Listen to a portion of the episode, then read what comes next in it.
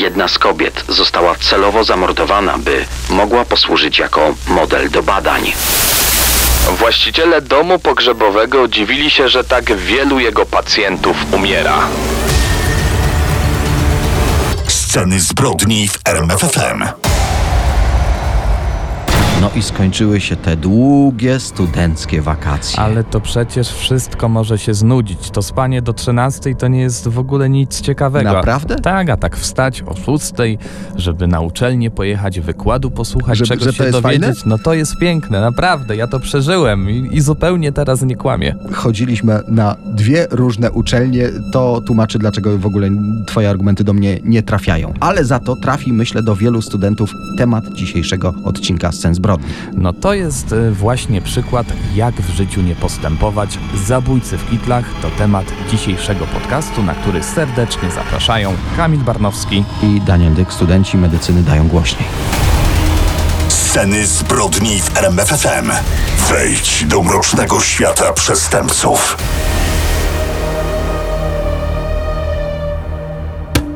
Dzisiaj w scenach zbrodni zajmiemy się przypadkami osób, które wykonują zawód największego zaufania społecznego. To od nich zależy zdrowie pacjenta. Często to w ich rękach leży ludzkie życie. Ale tym razem będą to przypadki osób, które, no właśnie, miały zaufanie społeczne, miały wielokrotnie gigantyczny talent lekarski. Jednak swoje umiejętności te osoby postanowiły wykorzystać w zupełnie innym kierunku. Coś poszło nie tak, a może to powołanie do działania na większą skalę dla potomności przysłoniło im te drobniejsze cele. Rzeczywiście opowiemy o przypadku takich lekarzy, którzy tworząc atlas anatomii wnętrza ludzkiego ciała, mordowali, by zdobyć potrzebną im pomoc naukową. Ale już zupełnie żadnego wytłumaczenia nie znajduje zachowanie angielskiego doktora śmierć, który z zupełnie nieznanych motywów zamordował ponad 250 pacjentów. Harold Frederick Shipman, znany jako doktor śmierć. Urodził się 14 stycznia 1946 roku w posiadłości Bestwood w Nottingham. Był angielskim lekarzem, a zarazem jednym z najokrutniejszych seryjnych morderców świata. Ale przenieśmy się teraz do jego dzieciństwa. Gdy dorastał, był świetnym sportowcem. Biegał w zawodach na krótkich i długich dystansach. W ostatnim roku szkoły został wicekapitanem drużyny lekkoatletycznej. Shipman był bardzo związany z rodziną, szczególnie z matką. Bardzo ona troszczyła się o syna i pilnowała, aby osiągał świetne wyniki w nauce. Dlatego ogromnym ciosem dla niego była choroba mamy. Kobieta zmagała się z rakiem płuc, umierała w męczarniach. W ostatnich dniach życia podawano jej bardzo duże dawki morfiny, żeby zmniejszyć ból. Syn często towarzyszył jej w tych zabiegach. Kobieta zmarła, gdy Harold miał 17 lat. Wkrótce po śmierci matki zdecydował się na studia medyczne w Leeds. Można powiedzieć, że w pełni oddał się nauce. Tam nie było żadnego imprezowania. Najczęściej spędzał czas w swoim pokoju. Przyczyniła się do tego jego matka, która zawsze zachęcała syna, by z nikim się nie zadawał. E, Mimo, że jak wspomniałeś, nie należał do szczególnie towarzyskich studentów, jakoś udało mu się poznać dziewczynę. Młodzi często się ze sobą spotykali. Wkrótce 17-letnia Primrose Oakstoby zaszła w ciążę. Shipman postanowił się z nią ożenić i już w wieku 20 lat założył własną rodzinę. Oboje doczekali się w sumie czwórki dzieci. Kobieta była bardzo wpatrzona w męża, nie zdawała sobie sprawy z tego, co rodzi się w jego głowie. Harold ukończył studia w 1970 roku. Po uzyskaniu dyplomu rozpoczął staż w szpitalu w Yorkshire. Był postrzegany tam za dobrego lekarza, pacjenci bardzo ocenili sobie jego opiekę, uważali, że jako jedyny rozumie ich potrzeby. No to wszystko odmieniło jego życie, stał się energiczny i bardzo towarzyski. W 1974 roku objął swoje pierwsze poważne stanowisko jako lekarz ogólny w miasteczku Todmorden niedaleko Manchesteru. Z czasem stawał się bardziej arogancki. Zaczął źle traktować pracowników. Gdy coś nie było po jego myśli, często się awanturował. Nie dopuszczał też innych lekarzy do swoich pacjentów. No i tylko on mógł im robić zastrzyki. Po pewnym czasie zmieniło się jego podejście do pracy. Już nie dbał o dobro pacjentów. Z zapasów wtedy zaczęły znikać natomiast tabletki przeciwbólowe. Mężczyzna często miewał omdlenia, no to wszystko tłumaczył epilepsją. Po pewnym czasie okazało się, że Shipman przepisuje dużo petydyny. To jest lek przeciwbólowy o działaniu narkotycznym. Nikt nie podejrzewał, że ten środek służy mu do uśmiercania pacjentów. Został wtedy ukarany grzywną w wysokości 600 funtów. Właśnie przez te nadużycia stracił dotychczasową posadę. Decyzja szefostwa bardzo go zdenerwowała. Skierowano go na leczenie psychiatryczne, trafił do kliniki odwykowej, no ale nie na długo. Wciąż miał prawo do wykonywania zawodu i zamierzał kontynuować swoją karierę lekarską. Już w roku 1977 został zatrudniony jako lekarz rodzinny w Hyde, również niedaleko Manchesteru. Wciąż uważano go za wybitnego lekarza. Jedynie właściciele domu pogrzebowego dziwili się, że tak wielu pacjentów Shipmana umiera. On w 1993 roku postanowił założyć własną przychodnię. Pracował wtedy już na własny rachunek, lecząc ludzi prywatnie. Co zastanawiające, śmiertelność pacjentów Shipmana była trzykrotnie wyższa niż innych lekarzy. Po pewnym czasie wzbudziło to wiele podejrzeń. Złożono nawet na niego donos. Policja nie była jednak w stanie znaleźć odpowiednich dowodów i śledztwo zamknęła. Po zakończeniu sprawy w dziwnych okolicznościach zmarło jeszcze trzech kolejnych pacjentów. No, klienci tego doktora umierali bardzo szybko po wizycie lekarza. Przybierali podobne pozy po śmierci. Większość była ubrana i zwykle siedziała na krześle albo leżała na kanapie. Status troskliwego lekarza jednak wciąż pomagał mu ukrywać prawdę. Warto dodać, że swoje 50. urodziny doktor chciał świętować w towarzystwie setki ludzi. Zaprosił nawet krewnych pacjentów, których mordował. I teraz docieramy do tego momentu, gdy zbrodnie doktora śmierć zostały odkryte przez sfałszowany testament jednej z ofiar. To był rok 98. Jedna z pacjentek Shipmana została znaleziona martwa w swoim pokoju na kilka godzin po jego wizycie. Była to 81-letnia Kathleen Grandi, wdowa po burmistrzu miasta Hyde. Nagła śmierć kobiety zdziwiła jej bliskich. Okazało się potem, że w testamencie przepisała Shipmanowi cały swój majątek. Pozostawiła mu dokładnie 386 tysięcy funtów. Córka wdowy była prawnikiem i postanowiła się bliżej przyglądnąć sprawie. Sekcja zwłok wykazała, że zmarła z powodu przedawkowania diamorfiny, medycznej heroiny. Wyszło na jaw, że podano ją w czasie właśnie wizyty Shipmana. No ale na tym nie koniec. Policja przeszukała dom lekarza. Panował w nim spory bałagan. Wśród porozrzucanych ubrań i śmieci znaleziono starą maszynę do pisania. Jak później się okazało, posłużyła ona do sfałszowania testamentu Kathleen Grandi. Shipman został aresztowany 7 września 1998 roku. Usłyszał zarzut 15 zabójstw i fałszerstwa. W ciągu następnych dwóch miesięcy policja badała także inne zgony poświadczone przez lekarza. Ekshumowano, przebadano jeszcze 11 kobiet, u których postawił tę samą diagnozę zgon z przyczyn naturalnych. Okazało się, że Shipman w wielu przypadkach nakłaniał rodziny zmarłych do kremacji, głównie po to, aby nie wykryto u nich tej diamorfiny. Dzięki temu mógł wpisać dowolną przyczynę śmierci, tak aby diagnoza nie wywoływała podejrzeń. Finalnie Shipman został skazany na dożywocie w styczniu 2000 roku. Uznano go winnym za wszystkie zarzucane mu czyny. W 2001 roku rozpoczęto śledztwo w sprawie kolejnych ofiar Shipmana. Wykazano, że w ciągu 25 lat Shipman zabił 250 pacjentów. Uczyniło go to jednym z najokrutniejszych seryjnych morderców w historii świata.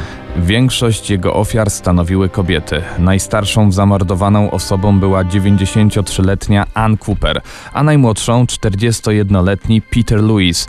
Znalazłem jednak informację, że najmłodszą ofiarą Shipmana mogło być czteroletnie dziecko. Świadkowie zeznawali, że ich rodzice umierali nagle z powodu chorób, o których nie mieli pojęcia. Ponoć lekarz, informując ich o śmierci, zachowywał się bezdusznie, jakby życie ludzkie nie miało dla niego żadnego znaczenia. Ale okazuje się, że nie zawsze wszystko szło po jego myśli. Wiele razy zdarzyło mu się podać pacjentowi za małą dawkę, przez co wprowadzał ofiarę w śpiączkę. Największą wpadkę zaliczył w przypadku Alice Gorton. Wstrzyknął jej truciznę i oznajmił córce, że jej mama umarła. Chwilę po tym Alice się wybudziła. Później już nie popełniał takich błędów, precyzyjnie dobierał swoich pacjentów, czyli przyszłe ofiary. Dodajmy, że Shipman nigdy nie przyznał się do żadnej zbrodni. Do końca nie poznano też przyczyny jego dokonań. Pojawiło się oczywiście kilka teorii, że lubił bawić się w Boga. Niektórzy twierdzą, że w ten sposób chciał pomścić śmierć swojej matki, która zmarła, gdy miał 17 lat. Inni uważają, że po prostu dobrze się bawił, udowadniając, jak łatwo jest komuś odebrać życie. 13 stycznia 2004 roku o 6.20 Harold Frederick Shipman powiesił się w swojej celi. Zwłoki doktora śmierć, tak jak i wielu jego pacjentów, poddano kremacji. To są sceny zbrodni w RMFFM. Śledź z nami kulisy największych przestępstw. Niedawno trafiliśmy na ciekawy, ale niezwykle kontrowersyjny artykuł na temat Williama Huntera. Jeśli otworzymy encyklopedię, przeczytamy, że to lekarz fizjolog, położnik i chirurg, nazywany ojcem położnictwa.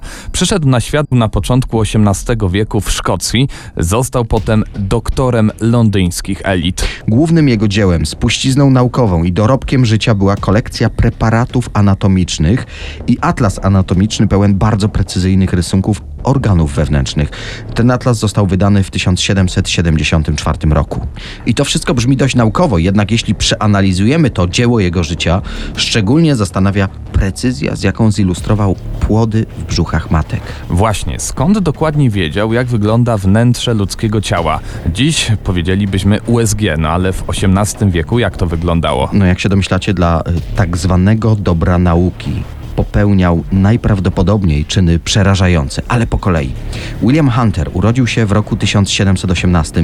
Był siódmym dzieckiem Johna i Agnes Hunter. Skoro wspomniałeś o Johnie, studenci medycyny mogą kojarzyć również to imię. John Hunter, wielce zasłużony dla historii medycyny. Ale nie chodziło o ojca Williama, a o jego najmłodszego brata, który jako dziesiąte dziecko w rodzinie dostał takie samo imię jak jego ojciec. Dwóch znakomitych lekarzy w rodzinie, także można się zastanawiać, co to była za wyjątkowa familia.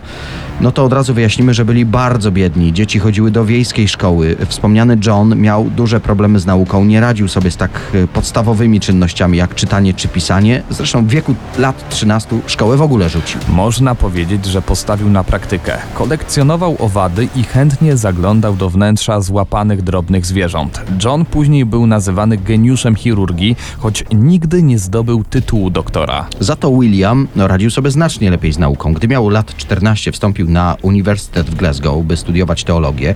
Po pięciu latach nauki stwierdził, że jednak zostanie lekarzem. Wówczas umiejętności nabywało się głównie przez praktykę. Został więc asystentem lekarza w Hamilton. Później znów krótko studiował w Edynburgu i w końcu przeniósł się do centrum Wielkiej Brytanii, do tętniącego życiem Londynu. I tu wiodło mu się tak dobrze i zyskał taką sławę, że został nawet osobistym lekarzem królowej Zofii Charlotte Mecklenburg-Sterlitz. Zaczął też wykładać anatomię na Akademii Królewskiej. I tu trafił na praktyki do słynnego wówczas doktora Williama Smelly. Stał się jego ulubieńcem. Od tej pory te dwa nazwiska, William Hunter i William Smelly, będą ze sobą powiązane. To, czego we dwóch dokonają, zmieni historię medycyny. ale również zmieni ich prawdziwe bestie, które dla dobra nauki nie cofną się przed niczym. Ale młody asystent wręcz chłonął wiedzę, szczególnie pociągała go chirurgia. Gdy miał 27 lat, został przyjęty do Zrzeszenia Chirurgów. Trzy lata później uzyskał dyplom doktora medycyny Uniwersytetu w Glasgow. Sześć lat później kolejny stopień specjalizacji. Do tego praktykował w szanowanych szpitalach i rozwijał własną praktykę lekarską, ale odkąd pojawił się w Londynie, jego największą pasją stała się anatomia. I jak później napisał, tutaj zacytuję, anatomia jest jedynym solidnym fundamentem medycyny. Jest tym dla chirurga, czym dla astronoma jest geometria. Ani astronomia, ani geometria, ani tym bardziej medycyna nie są mi bliskie. Tego porównania akurat nie do końca zrozumiałem, ale chodzi o to, że zgłębianiu anatomii ludzkiej poświęcił się całkowicie. Co to oznacza być anatomem w XVIII wieku? No nie masz możliwości uczyć się na zdjęciach, tylko rysunki poglądowe, prawda? Ale sami rozumiecie, jak to jest z rysowaniem. Najlepszą ilustracją jest więc zobaczenie czegoś na własne oczy. Oddał się całkowicie sekcjom zwłok. Początkowo jako asystent w 1746 roku zaczął sam badać zwłoki, zgłębiać anomalie, szukać przyczyn śmierci i tworzyć swój własny atlas anatomiczny. A jako, że posiadał ogromny talent do rysowania, no to jego ilustracje były niezwykle precyzyjne. Z przerażającymi szczegółami przedstawiał te części ludzkiego ciała, których nigdy nie jest nam dane oglądać. Był częstym gościem miejskich kostnic, a jak dostawał cynk o jakimś niezwykle ciekawym przypadku, dokonywał mniej lub bardziej oficjalnych ekshumacji. No jak w horrorach trochę. Podobno zakradał się ciemnymi nocami na cmentarze, wykopywał zwłoki, tak pozyskane świeże ciała rozkrajał w swoich laboratoriach i rysował. Mniej więcej w tym samym czasie dołączył do niego brat. Mówiliśmy, że rzucił naukę, nigdy nie uzyskał tytułu doktora medycyny, a jako praktyk był niezrównany. Zyskał sławę, leczył najtrudniejsze przypadki, bogate rodziny chciały mieć takiego lekarza na swoich usługach. Bracia współpracowali przez no, 10-12 lat według różnych źródeł i obaj z równą pasją odkrywali w swoich laboratoriach tajemnice wnętrza ludzkiego ciała. W 1768 roku William Hunter otworzył własną szkołę anatomii. Przy Great Windmill Street zbudował swój własny amfiteatr, w którym prezentował studentom badane przez siebie ciała, ale także stworzył wiele preparatów z ludzkich organów, które prezentował w otwartym przez siebie muzeum. Stał się taką pomocą naukową dla nowego pokolenia lekarzy, jakiej sam nie miał. Jego uczelnia w Londynie przyciągała studentów medycyny z całego świata. Cały czas współpracował z Williamem Smelly i podobnie jak jego mentor zaczął szczególnie interesować się położnictwem. No właśnie. I choć śmiertelność w XVIII-wiecznej Anglii była wysoka, jak to ująć, obiektów do badania nigdy nie brakowało, to jednak wśród nich prawdziwą rzadkością były kobiety w zaawansowanej ciąży, a to szczególnie interesowało Williama Huntera. Razem z profesorem Smellim łatwiej niż inni anatomowie zdobywali eksponaty do swojego muzeum. Szanowani lekarze, autorzy podręczników do anatomii, genialni ginekolodzy, ojcowie położnictwa, jak nazwie ich później historia, no jaką mroczną skrywali tajemnicę. William Hunter wydał pracę, o jakiej współcześni mu lekarze położnicy mogli jedynie marzyć. Anatomia ludzkiej ciężarnej macicy opatrzona rysunkami. Z kolei William Smelly też opublikował podręcznik Zestaw anatomicznych tablic z wyjaśnieniami i streszczeniem praktyki położnictwa. Skonstruował też, o ile można tak powiedzieć, fantom położniczy, czyli naturalnych rozmiarów model, na którym mógł prezentować studentom poród i wyjaśniać przyczyny ewentualnych komplikacji. Nikt wówczas nie zastanawiał się, że ilustracje w ich książkach są niezwykle dokładne, niemal jak fotografie, y, mówimy z dzisiejszej perspektywy, tyle że pierwszy aparat przecież pojawił się dopiero 100 lat później. Y, Środowisko naukowe było dumne z tak wybitnych osobistości, jednak nikt nie zadał kluczowego pytania. Skąd mieli obiekty, na podstawie których tak dokładnie odzwierciedlili szczegóły anatomiczne właśnie wnętrza ciężarnych kobiet? Mówiliśmy, że sporo czasu spędzali w kostnicach, robiąc sekcje zwłok i rysując pieczołowicie dla potomności organy wewnętrzne. Podkreślamy, obaj skupiali się przede wszystkim na kobietach ciężarnych. Ale współcześni nam eksperci, opierając się na statystykach XVIII-wiecznego Londynu, podają, że wśród kobiet w zaawansowanej ciąży śmiertelność wynosiła około 1,1%. To oznacza, że czekanie na odpowiedni, powiedzmy, model trwałoby latami. Zresztą zacytujmy Williama Huntera, który we wstępie do swojego podręcznika napisał: Szansa przeprowadzenia autopsji na ludzkiej ciężarnej macicy pojawia się bardzo rzadko. W rzeczy samej, jeśli takowa przytrafia się anatomom, to najwyżej raz lub dwa razy w ciągu całego ich życia. Jak się przypuszcza, lekarze zdecydowali się na drastyczniejszą metodę, która szybciej przyniosła im efekty. Mówiąc w skrócie, gdy ich pacjentka była szczególnie interesującym przypadkiem, dopuszczali się morderstwa w celach naukowych. Następnie pozyskane tak ciało rozkrajali, badali wnętrze i rysowali interesujące ich fragmenty. Dopiero po 150 latach eksperci badający tablice z rysunkami w ich podręcznikach i analizując notatki doszli do wniosku, że co najmniej jedna z kobiet została celowo zamordowana, by mogła posłużyć jako model do badań. No i w XIX wieku zrobił się z tego skandal. Ojcowie brytyjskiego położnictwa mieli być bezwzględnymi mordercami. Oczywiście środowisko naukowe uznało, że nie ma na to dostatecznych dowodów. Ale z analiz tego, ile rysunków wykonali lekarze i w jakich fazach ciąży, przypuszcza się, że mogli zamordować, uwaga, od 35 do 40 matek i ich nienarodzonych dzieci. Szczególne kontrowersje wywołują rysunki, na których widać dzieci w czasie ciąży bliźniaczej. To oznacza, zdaniem autorów oskarżeń, że w tym konkretnym przypadku William Hunter zamordował trzy osoby, by zdobyć odpowiednią ilustrację.